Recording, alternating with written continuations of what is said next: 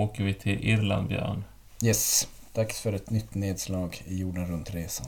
Ja, och jag som pratar här, det är Erik och bredvid mig, som ni förstod, Sitter Björn. som vanligt. Och eh, som ni kan förstå så är det ett jorden runt avsnitt där vi slår ner på Irland och kommer prata om Grabbers och The Devil's Doorway. Mm. Men eh, först vill, undrar jag lite grann hur, hur det står till med herrskapet. Jo, men ändå ganska bra tycker jag. Det är en ny vintermånad. Januari är inte min favorit kanske, men det har varit ganska skönt att komma igång och arbeta igen. Eh, och liksom komma in i arbetslunken lite som vanligt. Sen har jag även nu från och med den här veckan egentligen gått ner lite i arbetstid. Då jag insåg att jag hade en herrans massa föräldradagar som jag inte hade tagit ut. Och fick ju nu hot om att jag måste ta ut dem innan min äldre barn då fyller fyra. Annars blir man av med dem. Så Mm. jag tänkte, varför inte? Så jag ska gå ner och, och jobba 75% och stämpla upp 100 då på min äldre barn. Så jag får jobba bort en del av de här föräldradagarna. Och ganska skönt att ha lite luftigare schema nu när vi har två att ta hand om. Så det har också föranlett att vi är lediga i stort sett en vecka nu. Så vi har varit och hälsat på morfar i Glommersträsk. Åkt lite skoter och grillat lite korv och gjort lite sådana här vintriga grejer som känns ganska bra. Hur är du själv? Jo, men det känns ganska så bra. Nu börjar som eh, vårljuset komma. Man ser eh, dammkornen flyga i rummet när solen ligger på vid fönstret. Mm, Eh, det är som ett säkert vårvintertecken om något. precis. Vi gjorde en liten solgrop på baksidan idag och åt eh, pizzabullar och drack kaffe. Nice. Så nej, men det, den, en härlig del av vintern. Jag tycker ju som att man har ju november är ju... Då har man, man överlever november lite grann tack vare halloween. Sen kommer julen som är typ både och stressigt och, men ändå mysigt. Mm. Men sen är det som alltid ett litet vakuum där i januari. Men nu har vi som kommit in i februari en bra bit. Och nu när mars kommer så är det som härligt att vara mer ute och eh, det är roligare att göra utflykter. Man känner ju att bara att det kan vara ljust när man slutar jobba och man kan cykla hem och det är ljust ute fortfarande. Det är en ganska skön grej. Jo, jag har haft en period här när man knappt, jag har knappt sett dagsljus under... Jag, jag går till jobbet, det är mörkt, jag går hem från jobbet, det är mörkt. Mm. Och man har knappt ens märkt tittat ut genom fönstret och sett om det vart... Jag kommer ut så det är fortfarande mörkt ändå så man märker att det är liksom, nu är det mer snö på marken ungefär. Mm. Men den tiden börjar, har nått sitt slut. Eh, vi har haft Svenska rallyt i stan. Det är väl också antagligen ett vårtecken nu för tiden, eller vårvintertecken. Att man ser en massa eh, utbörlingar springa runt med eh, rallymössor Mm. här och där. Och man hör helikopter hovra och bilar brumma borta någonstans mot I20-skogen. Vi passade ju på att fara till morfar då under den här rallyperioden så vi har inte bevittnat några rallybilar. Inte jag heller. Jag bara, hör- man, det är ändå en viss uppståndelse i stan som man märker att det är lite mer folk. Det är lite... Mm. Men jag är ganska så obrydd. Jag har mest koncentrerat mig på min dotters femårskalas. Lyckat. Jo, det var inte så många olyckor. Nej, men det, jag tror det var liksom bra stämning. Det var inte så mycket organiserad lek utan de bara hängde runt. Det var typ tio barn här. Mm. Sen, det, det rullade på och allting var som... Man behöver inte göra så jävla svårt för sig. Vi hade bara en... Vi gjorde så här... En glasskiosk. Vi gjorde alltså ritade glassmenyer på några papper och sen så fick de köpa sig glass för guldpengar de hade fått leta upp. Och de var väldigt nöjda med det. Det var det enda de åt. Ingen tårta, inget annat. De fick lite saft och så fick de fiskdamm. Det räckte. Good stuff. Jag tänker som när man har kalas, då ska det vara snittar och tårta och... Det är sådär, nu är, för att jag är vuxen, men... Det här var som... De verkade hyfsat nöjda. Tror jag i varje fall. Det var något barn som undrade var tårtan var, men det var... Det kan... Det, det, det var inte långvarig besvikelse, tror jag. Han ville inte gå härifrån när kalaset var slut. nej, nej, nej, nej. Ja, men bra. bra tips för framtida kalasplaner. Jo, men det, och det är så skojigt. Jag fick sitta och vara glassförsäljare Mm. och skopa upp. Har du sett någon film förresten? Nej, Inget? jag försöker tänka nu men nej, jag tror egentligen inte det. Det har ju varit en period av ganska utdragna nattningar som, som det är mer eller mindre nu för tiden. Så om jag inte jobbar väldigt sent så har jag ju åtminstone ett barn jag behöver natta. Och så länge den lilla barnet i stort sett helammas så är det ju det stora barnet som är mitt ansvar. Så att det blir inte så mycket liksom lediga kvällar så, utan det blir mer sådär om man, om man lyckas bra med nattningen kan man klämma in en film innan man däckar själv. Men det har väl varit en sån där period då det är mycket eh, dragit ut på tiden och klockan är tio innan man lyckas få i kull den äldre ungen. Och sen är man så less själv som man bara vill sova. Så det har inte blivit så mycket av någonting egentligen, varken film eller serie eller något annat tittande. Torftigt. Du hade en bättre månad förra månaden, men det, det är ju perioder sånt där. Jag vet själv Mm. att det kan ju så. Jag hoppas att det blir en bättre sovperiod där barnen sov, somnar. Det, det kan man ju bara drömma om. Ja, det är som att jag med skräckblandad förtjusning ser jag nästan fram emot nu den stundande föräldraledigheten när man ska börja fasa ut amningen på unge nummer två och så blir det ju, i och med att min fru jobbar natt så då måste jag ju på något sätt hitta en strategi för att natta båda. Men jag hoppas att man ska liksom, kan man komma till det läget där man kan få till det, då är det ju sjukt nice liksom. Eh, Då kan man ju dela på eh, fridagar. Ja men precis. Och lite med Greta så var det ju samma känsla att jag var väldigt nervös inför. Men sen var det ju också att när mamma jobbade mycket natt då kom vi som in i en ganska bra lunk. Nu tror jag att det är också ett problem på ett sätt att det blir ganska så här inkonsekvent. Vi har lite olika strategier tror jag för vi, hur vi hanterar det där. Och det blir lite rörigt för, för Greta också kanske. Att eh, det var på sätt och vis skönt när det var liksom bara jag och Greta och så kom vi in i våran lunk och man kom in i rutin som ändå satt ganska konsekvent. Sen är det ju frågan om att få med ett till barn på det tåget då när, när nästa föräldraledighet stundar. Så att eh, det kan ju bli katastrof liksom. Men jag tänker att det värsta som händer är att det blir katastrof. Ja, det- jag jag vill kommer- ändå liksom bara komma dit och ta tag i det, det problemet. Det är väl bara att det kommer bli en kris som varar si eller så länge. Det är svårt att säga hur lång tid det varar. Sen så landar det i att barnen accepterar vissa saker och du kommer få göra justeringar. Ja, lite så. I guess. Men som sagt, kan man komma dit när man som bara, men jag kan ta och natta ungarna ikväll. Då kan man ju också liksom skapa lite mer fritid för varandra. Eh, förhoppningsvis. Men det ligger fortfarande några månader framåt i tiden. Oh. Ja, men eh, så det blir eh, inte så mycket tittande. Själv då? Ganska... Jag var så jävla trött, men jag har sett några sk- skräckfilmer. Jag såg en found footage-film som var liksom lite... Den var ganska... Ja, men den var väldigt meta. Den het, heter eh, Be My Cat, A Film for Anne. Mhm. Eh, Och det eh, är en filmare som... Ja, filmen handlar om en filmare och han gör ju den här filmen. Mm. Och han gör den för att han, han, har ett filmprojekt som han vill få med Anne Hathaway Okej. på. Mm. Han är själv baserad i Rumänien någonstans och han har för det här filmprojektet han har liksom anlitat några skådespelerskor som han, ja, men, han håller på att göra. Ja, de tror att de är med i en spelfilm som han är på Mm. väg att göra men han gör en film där han bara ska visa hur dedikerad han är och göra reklam för projektet så han kan skicka till Anne Hathaway. Jag känner igen det här. Och det slutar inte så... Ja, men han är ju knäpp Mm. och eh, tar kidnappar väl de där. Mm. Jag Jag vet inte om jag har sett den eller om jag har...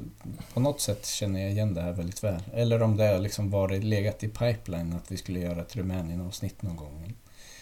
Men det lät väldigt bekant när du beskriver handlingen. ja, vi kanske, ja, du kanske har scoutat lite. Kan ha. Ja. Men eh, den var som ändå... Jag gillar konceptet med det, för han är så... Dels det... Ett found, man använder found footage på ett... Det är ju found footage med alla nack, många av nackdelarna, men det är också den använder det. Det liksom blir ju verkligen ett... Det finns en poäng i att det är found footage. Den var oväntat bra ändå. Jag skulle inte säga...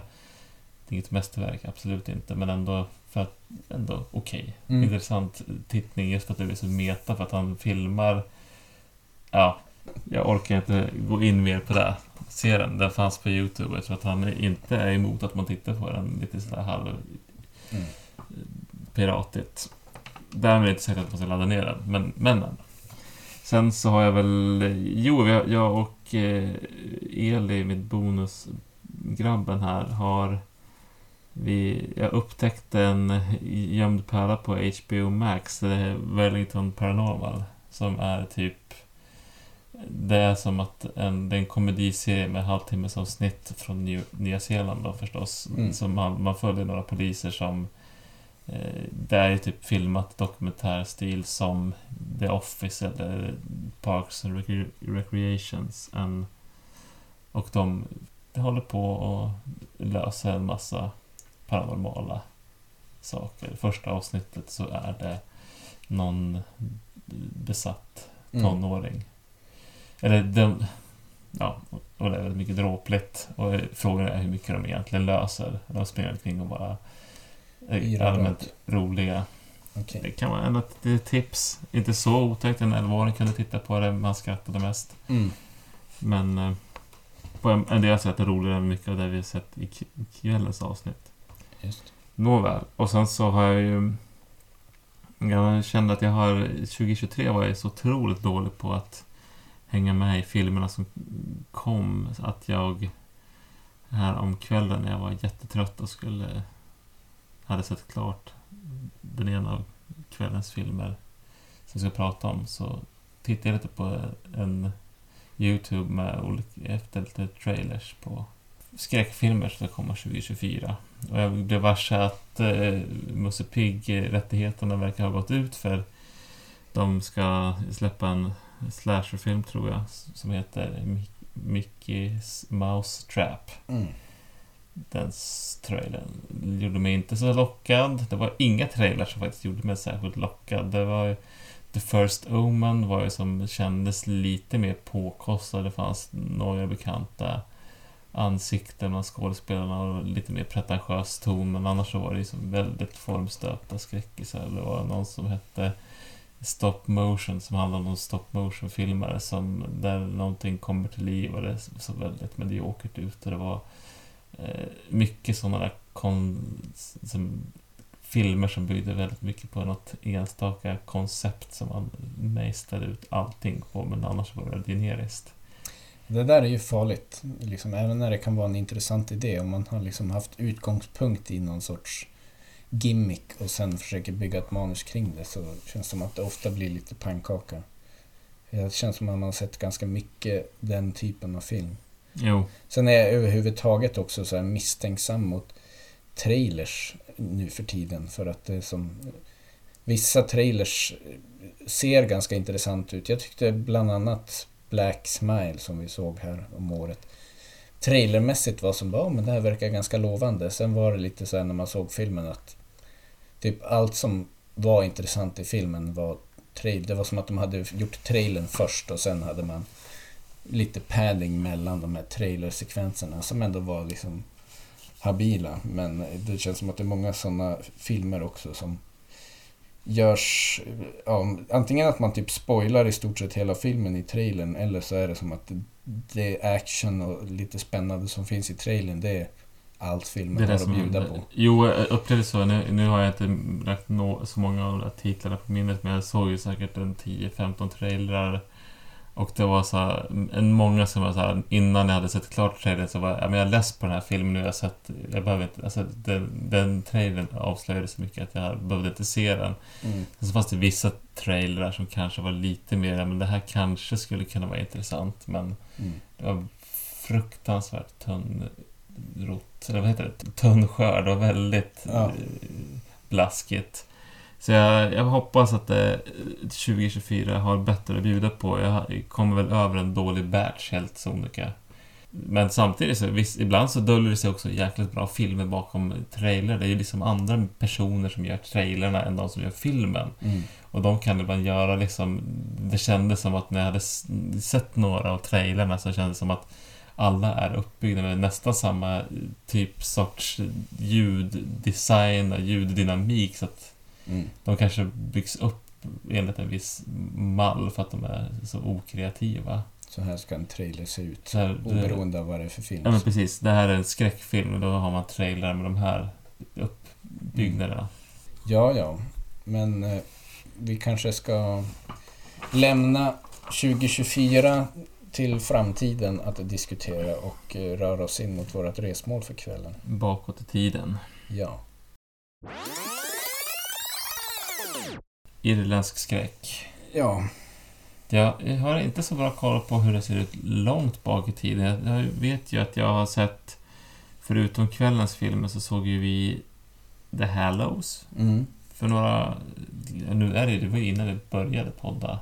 Det är ett bra tag sedan. Och jag tror att det här kanske var en sån här film som kanske också var en del, en, ett frö, ett av frö, där fröna såddes, eller i alla fall jorden gödslades för den här podden, där vi liksom ändå kände att vi hade sett en film där vi hade förväntningar sen efteråt behövde prata av oss besvikelsen. Mm.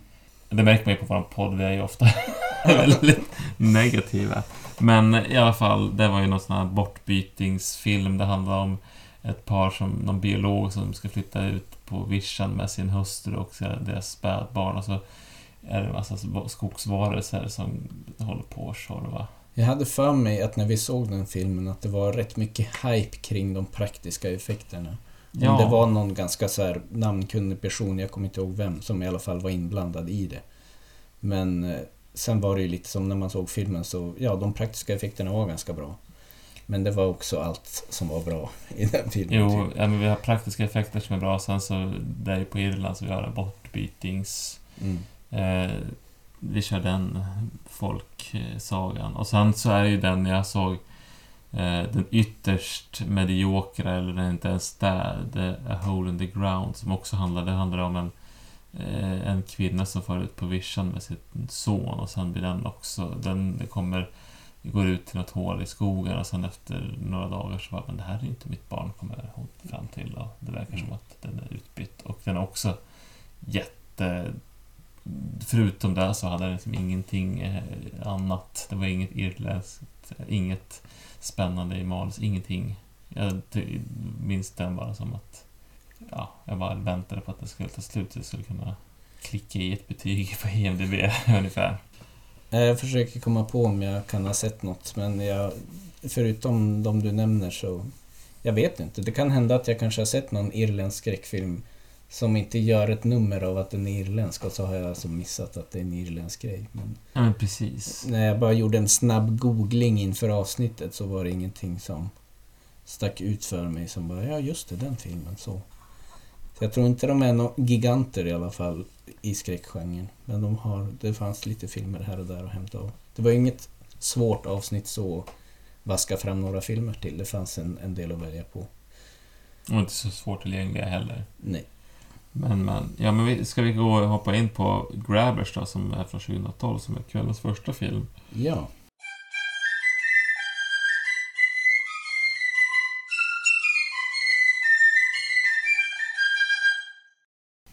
Regi av John Wright, manus Kevin Lehane och vi har i, i huvudrollen, måste jag säga, det är väl Richard Coyle och så är det Ruth Bradley och Le- Le- Lella Ruddy.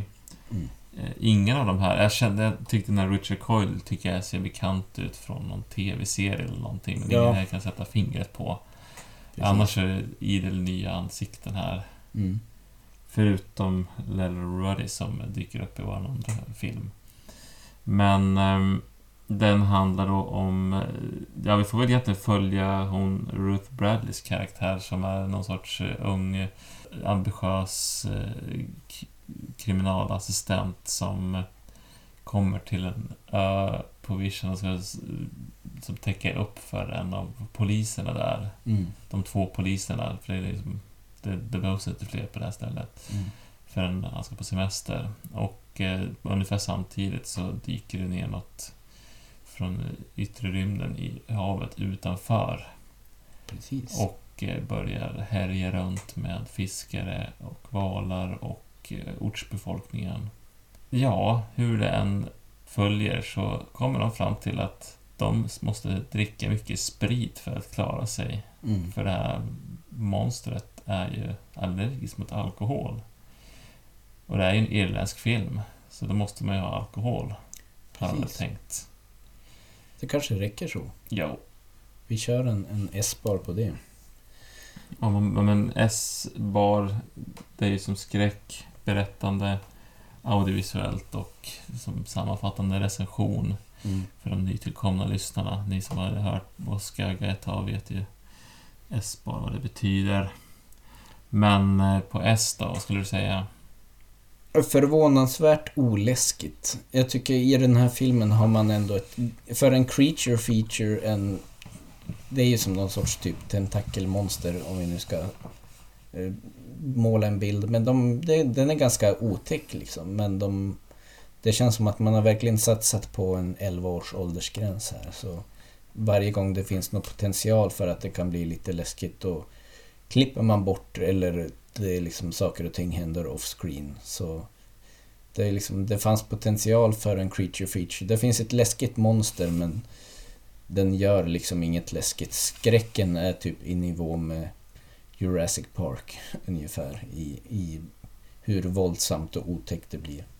Ja, och eh, ja, men det, det är väl någon jump scare här och där, men, det, det, det, men det, det upp, jag upplever som aldrig någonsin att det är något hot. Nej, Det är ju en del som dör, ja. Det är ett farligt monster, ja. Men man känner inte det på det sättet. nej och de som dör är ju alltid bara karaktärer som introduceras för att dödas av i stort sett. Jo. Sen hade vi ju, vi tyckte ju först att eh, den första, det är en fiskebåt som blir attackerad av monstret Mm. först. Och då var ljudet lite ur synk, så att den första, det första killet, eller vad man ska säga, då var det som lite off på ett bra sätt. Ja, det var, de filmade om vartannat inifrån hytten i båten och ute på däck. Och så var det som just när han blev attackerad så filmade de inifrån hytten och så ser man bara hur han försvinner ner i mörkret och man hör ingenting. Och så tänkte jag, fan vad bra. Det var liksom fiffigt att de inte gjorde det till någon jättestor jump scare och bara och så lät det. Men då visade det sig när vi fixade ljudet att det var bara för att det var ur synk. Och de hade Ja. gjort det precis så dåligt som man hade kunnat förvänta sig. Eller precis så generiskt som man hade kunnat förvänta sig. liksom. Jo. Tyvärr. Jo, så det här är ju en, om man ska säga, ju, det blir inte så mycket mer otäckare än ja, Jurassic Park. Eh, Och det är ju en skräckkomedi, är väl så den klassificeras Jo, också. så det, du kan ju titta på den här med, med en tioåring. Ja, utan problem. Som är, har sett no, de som inte är jättekänslig. Ja, men då, då hoppar vi in på B. Kvällen är ju gammal. Mm. Ja, men eh, jag tycker väl att det är väl här filmen hämtar några saker. Jag tycker att Sett till historien så är det ju som... Den, det är en kärlekshistoria, man vet precis hur det kommer gå, det är ingen spänning där. Och de Mm. har ingen kemi, de som spelar där, så det är lite tråkigt. Mm. Eh, Det är en... Hela historien med det här skämtet att de, eller vad man nu ska säga, att de är, eh, ska vara fulla för att klara sig från det här monstret. Jag ty, det tycker jag, jag, jag förstår inte logiken där. Nej. För att det, det är ju som en, en gimmick i filmen att, ja men det här är filmen där de måste dricka sprit för att klara sig. Men, för det är ju så att det här är ett monster som ynglar av sig Mm. och eh, dricker blod och dricker dricker det i sig blod så dör det av förgiftning om man är väldigt berusad när de dricker ens blod. Men det gäller bara de här små monstren Mm. som knappt är någonting i filmen under stora delar annat än när man kommer fram till det här med allergin. Ja. Eh, och sen det där stora monstret, den, den bryr sig inte så mycket. Den spottar bara ut den och kastar bort den. ja, så. exakt. Så det, det får liksom ingen betydelse i själva utvecklingen av berättelsen. Så det, det blir bara en gimmick för att det, det ska vara skoja lite om irländska fyllon, typ. Ja, det är nästan det jag stör mig på mest. Att så här, det finns ju en karikatyrbild av irländska fyllon. Som jag hade tänkt när man såg ändå på irländsk film att man skulle komma bort lite från det. Men det är väldigt mycket karikatyrer. Det känns inte som att det här är en... Det är det ju, men det känns inte som att det skulle vara så en irländsk regissör som har gjort det. Utan det är någon som har gjort en karikatyrbild av hur irländska människor är. Och så är liksom karaktärerna. Som gjorde mig lite besviken. Det, liksom, det får gärna finnas med liksom det där att man drar till puben och dricker öl och som kanske liksom ändå hör till irländsk kultur. Men det blev liksom nästan lite för mycket en, en karikatyr av irländsk kultur, tror jag. Nu Ja. har jag ju för sig inte varit på Irland, men... De leker med fördomarna om alkoholbruket där. Så det var lite tråkigt. Jag tyckte det var några skämt som jag ändå satt och skrattade åt. Komedin landade bitvis, men det... Ja, ja men här och där fanns det några roliga skämt. Men huvudgimmicken var som... Man gjorde inte så mycket mer än att de hade det som en ursäkt för att ha en fest. Nu vet jag inte när den här kom i tiden, liksom storybeat-mässigt så känns det som att den påminner lite grann om Shaun of the Dead. Ja, den här var ju flera, mycket senare. Ja, Shaun of the Dead tycker jag är betydligt vassare. otroligt mycket vassare. Alltså jag tyckte det men det är en intressant jämförelse tillvida att man kan se hur man skulle, kan göra det väldigt, väldigt bra och hur man kan göra det ganska mediokert. Liksom. Jo, det, nej, men det finns ju... Ja, men I Shaun of the Dead så är det liksom faller det sig så och det känns helt rimligt. Mm. Men här känns det väldigt krystat och man gör inte så mycket bra av det. Det är ju några saker som är ganska roliga. Det är som de ska försöka få hela byn att samlas på den här puben för att de ska klara sig. Och, ja, och så har de en samling i kyrkan. Mm. Där alla, och de är som totalt obrydda tills de får veta att... Alltså det spelar ingen roll vilka ursäkter de kommer på. eh, För att de ska... De vill inte skapa panik, men de vill ändå få folk att gå till Till puben. puben. Och då ingen är, alla är totalt som iskalla tills de får veta att det är öppen bar. Mm. Det var ganska roligt. Nu spoilar jag det här skämtet, men det är som... Det, det är det enda som den mynnar ut i, typ, Ja, i, i lite så. För det känns så är det inte så mycket mer skojigt som händer. Det är folk som är fulla, men det är som, jaha. Det är som ett vanligt fylleslag. Jag vet, vet vanligt fylleslag, men det känns som i en film som Shaun of the Dead, då gör man ju väldigt mycket roligt i puben liksom. I, i sättet de konstruerar scener och tidigare scener, i, skräckscener i filmen liksom återspeglas i hur de bygger upp vissa scener i, när de interagerar i puben. Och det är som jävligt genomtänkt allting. Och här var det som bara, ja men vi...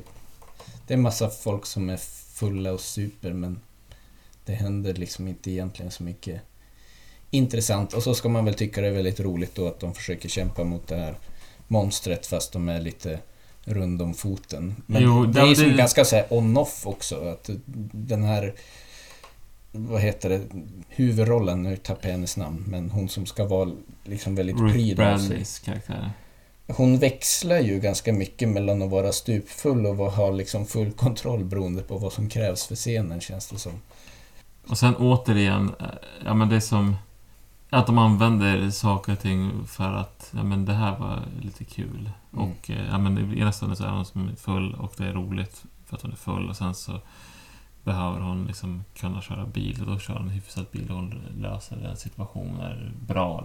Eh, och att eh, ja, men de gör först en jättestor poäng av att det här monstret är allergiskt och sen så, ja men när det kommer till pubscenerna så får man aldrig se det användas. Alltså det är någon enstaka gång som det får någon konsekvens i historien men det är liksom fram till punkten när man den vänt, förväntade punkten, för man vet ju om det här i, i, när man går in i filmen, att Mm. de ska supa för att klara sig. Mm. Men sen gör man ingenting med det när, man väl kom, när, karaktärerna i filmen har kommit på det. Nästan ingenting. Nej. Det har som ingen, för ingen konsekvens för händelseförloppet. Nej, men det... Ja, nu... nu, nu Nu har vi kört Nu att spåret jag, till slut. Nu har jag nog kört det här två varv för långt. Ja. Ja, det audiovisuella. Nej, men det känns ju som... eh, Jag tycker ju att det... Ja, men det är ungefär som att man har gjort... eh, eh, turistbyrån har gjort en lite hyfsat tillrättalagd film om för att eh, göra reklam för Irland. Man blir, lite, man blir lite resesugen. Jo, det är ganska snyggt fotat. Mycket där. fint naturfoto. Men ja, det är ingenting att hänga i julgranen dramaturgiskt sett. Men fin, fina naturbilder, I guess. Jo, så får vi man höra lite Whiskey in the Jar sjungas och skrålas i, i puben. Men, jag har liksom, det ja, men den, den är bra fotad, det är väl liksom något ganska tråkigt soundtrack i övrigt. Mm. Så, som är väldigt generiskt. Så det, jag kommer, det här det kommer jag inte minnas mer än... Vi såg den nyss och jag redan börjat... Det har redan börjat blekna. blekna i, minnet. Ja. Ja, men R, nu kanske vi kan gissa vart det här kommer landa. Men vad säger du Björn? ja, jag är besviken. Jag hade ändå förväntat mig att den här filmen skulle vara betydligt roligare än den var. Och så hade jag nog trott att den skulle luta lite mer mot skräckbenet än vad den gjorde. Det var som väldigt tillrättalagt och eh, ja, det kändes som att man hade var väldigt mycket ansträngt sig för att se till att det här ska vara liksom okej för alla åldrar att se. Så vi har liksom den hela monstergrejen men vi, vi är väldigt försiktiga med att visa något våld eller någonting som egentligen är otäckt. Och, ja, men som, allting kändes bara väldigt tillrättalagt och ganska tråkigt, tyvärr. Jo. Så nej, det är nog ingen rekommendation för mig. Eh, och jag, jag hade lite förväntningar på den här filmen faktiskt. Jag scoutade den för ett tag sedan och tänkte att ja, men det här ska man spara till, det blir roligt till något avsnitt. Om vi far till Irland någon gång till exempel. Eller om vi skulle göra någon creature feature grej liksom. Men nej, det var inte något att hänga i julgranen, tyvärr. Ja, men jag tycker väl ungefär samma. Den var lite lättsammare än den andra filmen vi såg för den här. Men eh, det är väl inte någonting som man ska basera vad man tittar på. Utan eh, ja, den var som... Den är så pass lättsam och den hade några roliga skämt så det är liksom inte helt bortkastat att se på den. Men det var inte så sevärt, det som är emellan. Det är ibland skrattar jag, men det är väl typ det enda som gjorde men den, så den var väl knappt sevärd. Nåja, men eh, ska vi ta och vända blickarna in i nästa, i de här katolska mysterierna istället. Ja.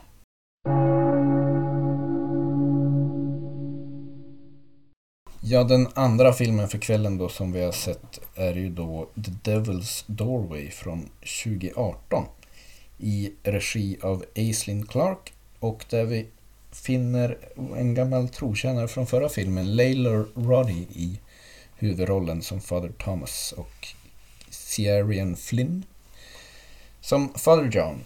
Och det här är alltså då en found footage-film eh, där vi får följa Father Thomas som det har kommit rapporter från något vad kallar de det för? Ett tvätthus. Men det är någon typ av nunnesällskap som tar hand om utbölingar, kvinnor som eh, har fött barn utan att vara gifta och kvinnor som har varit prostituerade och liksom folk som inte riktigt eh, katolska kyrkan lite grann vill gömma undan och som inte passar in. De, de tas som hand i det här nunneklostret och får jobba.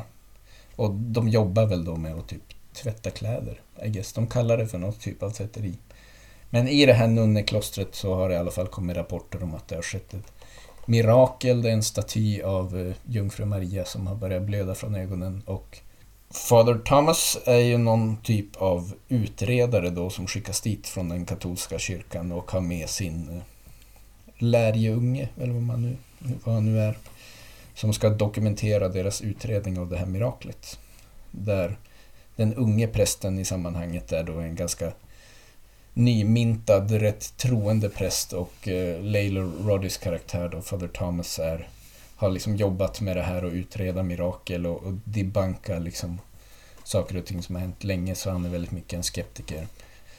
Men eh, då får vi följa händelseförloppet då genom den yngre prästens kamera, mer eller mindre, när de går in i det här klostret och börjar utreda vad det är som försiggår och eh, ganska snabbt börjar de väl ana att ugglor i mossen. Där den unge prästen är väl lite mer benägen att tro att det liksom ändå är någon typ av mirakel eller någon, någonting övernaturligt som sker. Och eh, den äldre prästen är då inbiten skeptiker som är väldigt så här, tveksam och tänker att det, det är något tricks som ligger bakom. Det är någon trickster som ställer till det här. Och ja, där är vi. Det är en film i ganska så klassisk found footage-stil, Jo, I guess. Och den utspelar sig på 60-talet. Så var det. Ja. Så det, och det säger väl något om kamera, kamera, typen av kamera och film som vi får se här. De Ja. har väl försökt i alla fall i viss mån att- att skapa en realism där, att de har sin gamla... Men vi återkommer till det. Ja. S. Skräckmässigt, här är det ju, jag tycker en, jag tänkte på det precis nu, Mm. att den här filmen gör precis samma fel som den här The Baby's Room vi såg Mm. härom veckan. Med prior evil Jo, för man börjar filmen att man, så får, för, de, man får se filmsnuttar från några jävla katakomber. Ja. Och så hoppar någon s- nunnespöke eller vad fan det var Ja. fram. Och sen så kommer man till början på filmen. Och det, det, här, det hade varit bättre, tror jag, om man hade skippat den och bara låtit sakerna utvecklas där. För nu vet man att det här ska vi komma till. Mm. Sen kan man ju ana det i vilket fall som helst med tanke på hur fast, fast cookie cutter den här ändå är. Ja, det är ju som found footage i väldigt klassiskt snitt. Den hade väldigt lite, alltså det, det finns väl lite som okej jumpscares här och där, men det känns som väldigt gjort. Alla scener och sättet de konstruerar skräckscenerna på i den här filmen. Det enda som jag plockade ut som jag tyck, tänkte liksom, ah, det var lite fiffigt, det var ju att det, det föreställer ju fan footage och de har ju hittat liksom en skadad filmrulle och här och där så har de någon himla effekt liksom där eh, filmrullen har varit skadad i vissa scener som skapar ett visst obehag liksom även i för övrigt rätt odramatiska scener där eh, bilden och ljudet förvrängs lite grann. De ska liksom föreställa någon sorts skada på filmrullen som funkar okej, tycker jag. Sen eh, liksom rent i de faktiska skräckscener som är, de är väl habila I guess, men det kändes som sagt väldigt, väldigt gjort. Eh, Det var inget som stack ut för mig. Ja, men skulle det vara första gången man doppar tån i found footage och skräck så skulle den här nog upplevas som betydligt bättre än vad vi upplever. Alltså, vi kanske Ja. har sett tio found footage-filmer som är precis likadana tidigare. Mm. Ungefär Så den är väldigt bekant. Sen en kardinalsynd i den här filmen som återkommer i andra skräckfilmer också tycker jag, det är att karaktärernas reaktion på händelseförloppet tar udden av skräcken ganska mycket. De beter sig orimligt. Ja, de beter sig orimligt och de verkar liksom inte så hemskt rädda eller liksom oroliga kring, kring det som händer och då är det svårt som tittare också att känna att den här udden, att nu är det något väldigt obehagligt som händer. När de som faktiskt är där och filmar det är som bara, ja okej, ja, där kommer ett spöke, ja, nej, men då går vi vidare då. Lite sådär. Och det, det är inte den här filmen ensam skyldig till, det tycker jag man ser tyvärr i rätt många skräckfilmer, men eh, det, det tar udden av det lite grann. Jo. B. Ja, men B, vad ska vi säga där? Här har vi som en generisk film, jag har skrivit Exorcisten möter generisk found footage-film, typ möter The Nun.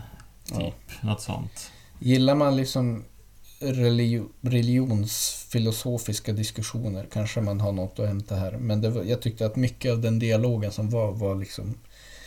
Ja, egentligen den dialog man får följa mellan Fader Thomas, skeptiken och eh, den yngre prästen som jag redan tappat namnet på. Jo. Där de diskuterar mycket fram och tillbaka. Så att, Åh, finns det mirakel? Finns det inte mirakel? Och det, det där fångade aldrig mig så mycket. Nej, det, och sen är det också gjort, jag tycker att man gör det betydligt bättre i Father Carracks tvivel i Exorcisten. Man Ja. ser den en gång till istället. Plus att det här, det blir också lite absurt när det liksom är Ja men det är liksom det är bortom rimligt, allt rimligt tvivel att det är något skumt som händer här och han bara nej men den där att den... det är bara en tricks. Det, det är bara tricks. Ja. Det, nej men det där, så det blir orimligt. Pff, sen är ju historien, man, det är som, jag, jag är trött på den här religiösa miljön och allt det där och tvivlet som du pratar om, det är lite tråkigt. Så det är gjort. Men därmed, jag tycker ändå att eh, Fader Thomas känns välspelad och den här Abbe, Abbe, Abbedissan, eller vad Mm. det är. Mother Superior. Mother Superior, hon tyckte också här var obehagligt. Det var någonting med henne som var obehagligt. Ja. Som jag ändå gillade. Som, men annars så var det verkligen så här. Nej. Ja, Jag, jag, jag satt i jag, tre sittningar jag tittade på för att jag blev så uttråkad. jag bet av den i ett nafs, så jag får väl hålla med. Father Thomas känns ju också som den karaktären som de arbetar mest med i, i manuset med att försöka bygga upp någon slags backstory till. Det visar sig ju liksom sedermera att han har någon slags koppling till det här barnhemmet, kanske. Det förklaras aldrig riktigt, men det finns liksom någonting där. Men eh, jag hade önskat att man hade spenderat mer tid med att utveckla både han och den yngre prästens liksom bakgrundshistoria. Man, nu var det som att de var lite grann så här väldigt endimensionella väldigt långt in i filmen. Där han var skeptikern och den andra var övertygad och det är liksom diskussionen däremellan. Men jag var aldrig så nyfiken på hela den grejen och jag, det var som att jag brydde mig inte så mycket om vad som skulle hända med dem för att de, de hade inte så mycket karaktär förutom sin trope då, att en var skeptiker och en var övertygad nymyntad präst typ. Och lite naiv. Ja. Nej men eh, det var lite tråkigt på det här. Men ett plus skulle jag väl kunna säga. Eller plus kanske inte är. Men det är som jag var tvungen att som kolla upp om det. Det här med sådana här tvätterier. Det verkar ju som att det har funnits den här typen av tvätthus. Eller vad man ska säga. För där, man, där den, den romersk-katolska kyrkan ska ha egentligen använt kvinnor som väldigt billig arbetskraft. Och man har liksom Mm. hitt, det var någon, något av de här Magdalena hemmen eller vad fan det hette som man hittade en massa gravar efter folk där liksom, ja, de hade dött där och liksom lite hysch-pysch. Mm. Och det här, ja, det är väldigt mystiskt runt det där. Så det är väl där de spinner på i den här filmen. Eh, Så det gör ju det lite mer intressant men sen är det lite spekulativt också. Eller cyniskt eller vad man ska säga. Mm. Att göra en film på det på det här sättet. Ja, Det här är ju en found footage. Men det var en med A som jag måste... Det här kanske du också har tänkt på. Men satan vad irriterande. Alltså de, de där är inspelade. Om deras kamera är från 60-talet så måste den ha varit state of the art. Den bästa. Alltså mm. det här är alldeles för bra bildkvalitet för att man ska kunna släppa omkring på en ka- 60-talets kamera. Alltså, jag tror att man skulle... Det ska vara typ från 00-talet och framåt man skulle kunna få så pass bra film. Känslan är att de har haft en kamera från typ 00-talet som man har lagt något lite så grått filter på. För allting är så här ganska grå och liksom dämpade färgsättning som vart lite trist att titta på. Och sen när jag satt och tittade på det tänkte jag, ja men det kanske ändå tillför något nivå av realism i det hela. Pratar- Men det gör de Det blir ju inte realistiskt. eftersom Det är ändå för bra bild för att det ska vara realistiskt. Det är, Ja. som, det är ju filmat på digitalt foto så man bara lagt på filter på det. Sen tycker jag också ljudmixen är extremt ojämn. För det känns det också som att man har haft en tanke om att ja, men vi, ska, vi vill försöka skapa en känsla av realism så att vi har som ett ganska så burkigt ljud typ när de pratar med varann. Men sen plötsligt när det är vissa skräcksekvenser då är det som att då är det superkrispt liksom ljud. Som är tänkt att det ska ha plockats upp på samma kamera. Så det är väldigt så här ojämn ljudmix i den här filmen som Jo. också gjorde mig lite brydd. Och så tycker jag, om man nu ska prata found footage, så en ganska stor begränsande faktor i found footage generellt, men som man också har målat in sig i ett hörn med här, det är ju att man har en kamera. I vissa found footage-filmer så skapar man ju ändå ett scenario där man kan ha lite olika kameravinklar. Det finns en anledning att det är trovärdigt att det finns fler kameror. Man sätter kanske upp någon övervakningskamera här och det kanske finns fler än en av karaktärerna som springer runt med en kamera. Nu är det ju bara den här unga prästen och hans kamera som vi är liksom låst vid och det perspektivet som vi är låst vid hela tiden. Som är ju rimligt liksom med de spelregler man satt upp för filmen att man inte introducerar andra kameravinklar men det blir också ganska begränsande. Tyvärr. Jo, ja men det... Och det blir också väldigt mycket den här yngre fader John, säger vi. Han kanske inte hette det. Inte fader Thomas, den andra. Mm. Att det är liksom, han springer omkring med det, han verkar typ tit- titta, genom, titta på världen genom den här kameralinsen. Och det, ja, men det är klassiska found footage, men det blir också... Och som det också påtalar, om det nu ska föreställa en... Man får ju se någon bild när han tittar sig i en spegel. Det är ju en ganska stor och otymplig mackapär som man sen får komma ihåg att han också springer runt där i mörka tunnlar med och håller på att filma med, vilket känns ganska random. Om man, Jo. om man börjar analysera det för mycket. Liksom. Ja, nu är vi inne på nitpicking här, men det, Ja. och, att här, men han, han har någon jävla lampa på den där som blinkar väldigt eh, lägligt för att skrämmas. Mm. Eh, och vad fan lyser de inte upp? Är springa ner i katakomberna med det enda lyset är den här blinkande lampan? Mm. Är de dumma i huvudet?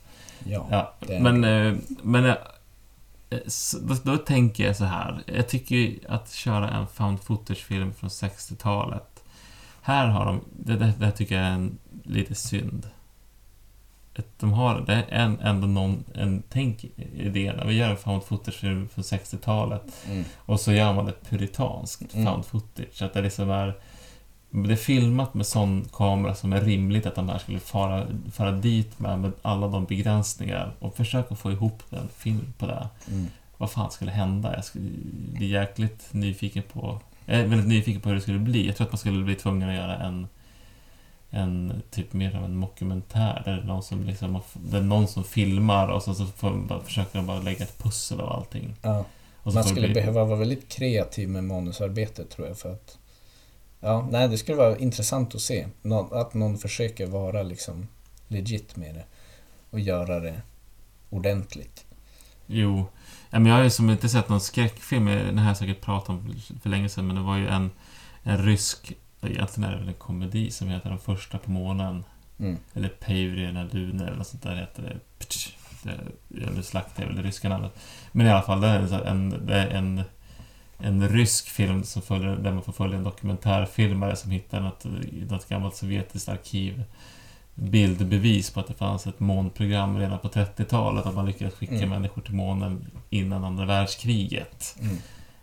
Och hela den eh, processen är ju fantastiskt rolig att följa. Men då är det som att ja, man får se lite filmet från de här astronaut eller kosmonauterna. Mm. Men så får man också se olika som instruktionsfilmer på hur eh, astronauterna skulle tränas och hur deras agenter skulle skugga folk och liksom det varit så mycket runt omkring tingeltangel. Mm. Att man, okej, vi har inte... Här är allt foto som man får se är det som är taget med den här kameran. Mm. Men tänk att man vidgar, att man liksom man tar in fakta och dokument lite här och där, så får man pussla ihop det så kanske det, du får ju bygga upp en större värld, men det skulle bli betydligt mer spännande. Mm. Men det var det inte i den här Nej, filmen. det här var otroligt enkelspårat och tråkigt. Nu går vi in på R. Ja, återigen lite besviken. Det var ju som att... Alltså jag tror ändå det här som du säger, har man inte sett så mycket found footage så är det lite så här be my guest.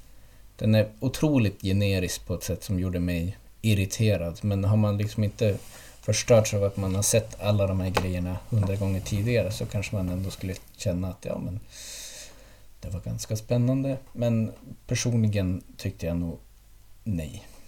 Det finns mycket andra filmer. Ja, men eh, om man ska ta found footage-filmer eh, som... Ja, men då finns det ju eh, Norway, Ja, oh ja. eh, Blair Witch Project för all del. Ja, men det, det drog jag bara några. Men det, alltså det är ju... Det kanske inte är någon stor found footage-fantast. När det är riktigt bra så är det ju riktigt bra, men det är, som, det, det är ju för att det är så mycket sånt här som man måste ta sig igenom innan man hittar de här guldkornen. Om man nu ska prata i jorden runt-resan så tycker jag faktiskt Dabbe som vi såg i våran första nedslag i. Turkiet. Den var ganska bra. Den var liksom rolig för att den också var... Den var ju generisk på många sätt men den liksom Dabbe för, 4 till och med. ja, den förde in mycket så här ganska så här, Turkiet-specifika grejer som gjorde att det ändå kändes ganska fräscht. Och så hade man liksom skapat den här idén om att de sätter upp övervakningskameror i ett hem som gav dem lite mer spelrum att konstruera mer spännande scener tycker jag, när man bara är låst kring en kamera. Utan att de för den saken skulle nödvändigtvis bröt mot fan footage-reglerna eller vad man nu ska säga. Och så var de bra på att bygga upp scener som var rimliga Ja. och otäcka, intressanta. Och att det fanns någon sorts bakomliggande röd tråd som finns i alla de här filmerna tydligen. Mm. Om att det är något helvetet är på väg att bryta loss liksom hela världen. Mer övergripande. Så det, det skulle jag väl kunna ändå säga som en fan footage-rekommendation om man är helt novis. Jag skulle behöva se om Grave Encounters. Jag har som en känsla av att den också är bättre än jag ger den cred för. Den är ju som sjukt cheesy, men den bygger ju också på att det är liksom någon så här Ghost Hunter dokumentärgäng som ska göra liksom en film som ändå kanske gör att liksom cheeset är rättfärdigat på ett sätt som jag kanske inte gav den cred för första gången jag såg den. Men jag tyckte, när jag såg den, att den tyckte jag fan var jävligt otäck i alla fall. Även om den var sjukt hetsig också. Men om man liksom bara vill ha något så här horror, berg och dalbana, thrill ride så funkar det. Liksom, en film som Norway tycker jag är fantastisk, men den är ju också lite svår. Kanske. Jo, eh, På, på vissa sätt. sen är ju VHS 2 har vi sett. Mm. Nu tror jag det är att det är ett omöjligt projekt men jag skulle vilja se alla VHS-filmer. Nu är det ju ganska många och så skulle man göra en lång topplista med alla små inslag. För det är ju de filmerna, det är ju som antologifilmer och det finns ju några riktiga höjdare på VHS 2 Mm. ändå. Mm. Det passar ganska bra det formatet att man har liksom, det behöver inte bli så långt. Mm. Men det kanske blir något projekt när vi har lite mer möjligheter och tid. Men jag, jag, jag är sugen på fan, nu blir jag sugen på att göra ett found footage-avsnitt om man liksom kan Vi har ju gjort ett found Jo, men om vi footage-avsnitt. liksom kurerar fram några bara för att du, du ger revansch åt den här genren. Ja, det är som att vi var ganska hype när vi gjorde vårt faktiska fan footage-avsnitt. Sen har det varit mycket nitlotter när vi har trillat in på den genren under åren därefter så att säga. Att vi det, fan footage kanske förtjänar en, en re- revansch. Men det, är, det hör väl till våra framtida planer. Vi, vi har väl nått en punkt nu där det känns som att vi håller på att avrunda vårt irländska resmål. jo, just det, det var där jag var, gick lite Vi, för... vi hamnar lite som på ett sidospår där. Ja, hamnade vi så, vi sugen på att man skulle vaska fram några riktiga guldkorn. Men det, ja. Men... eh, Ja, vi har inte Ir- lyckats vaska fram några guldkorn från Irland än så länge, Nej, jag tyvärr. blir sugen på att åka dit. Jag blir inte sugen på att dricka irländskt hembränt. Eh, men, eh, och jag är inte så, eh, det här ska, den här filmen skulle, Grabber skulle vara en av de bättre. Mm. Och The Hallows skulle också vara en av de bättre. Och The Hole in the Ground skulle också vara en av de bättre. Ja, det... Och det känns som att allting var ju väldigt blekt. Ja. Nej, tyvärr. Jag vet inte vad man ska säga. Det, finns det någon som har några toppnoteringar från Irland så får de gärna rekommendera. Men det var, det var en, en stor besvikelse om, jag, om man tyvärr ska sammanfatta det. Även när vi har försökt tänka tillbaka på lite andra irländska filmer vi har sett. Så man kan nog gärna åka dit på riktig semester men som filmresmål Nej. vet du fan.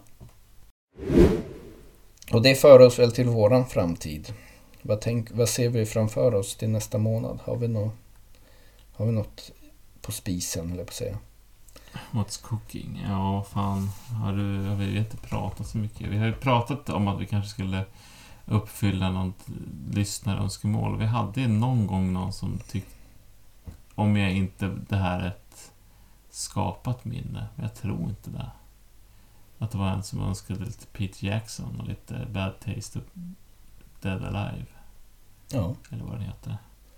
Jag har ju inte sett någon av de filmerna. Så att det kanske skulle... Det känns som ett avsnitt som vi eh, mer eller mindre kan lova att det kommer dyka upp eh, under våren kanske? Jo, Vågar man säga så hårt? de filmerna tror jag är rätt så lättillgängliga i rätt så bra kvalitet Ja. på YouTube.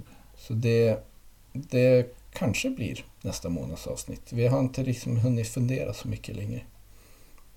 Sen eh, nu när vi börjar snacka om det så då, det skulle ju vara roligt att få kanske göra en, en revansch för found footage-genren där vi kan försöka kurera fram några jävligt bra found footage-filmer istället för att vi bara går på pumpen på massa halvkassa found footage-filmer vi har lyckats se på sistone. Ja, det är mycket högt och lågt där. Ja, men eh, vad heter de här? Eh, From Beyond som jag lyssnar på ibland är ju en podcast. Jag tror de gjorde sitt femte found footage-avsnitt här om sistens. Som jag plockade upp den här eh, Be My Cat-filmen ifrån. Just det. Där kanske vi kan lyssna fram ett tips. Nej, men vi får leta. Mm. Eh, Alltså, det är väl lite 50-50. Precis. Bad taste eller found footage. Något sånt. Och till dess så får ni hålla till godo och njuta av den stundande vårsolen, senvintersolen som kommer. Så säger vi väl som vanligt, eh, sov så gott och på återseende. Allt gott. As I was going over the far famed Kerry mountains, I met with Captain Farrell and his money he was counting. Produced me pistol and I then produced me rapier, saying stand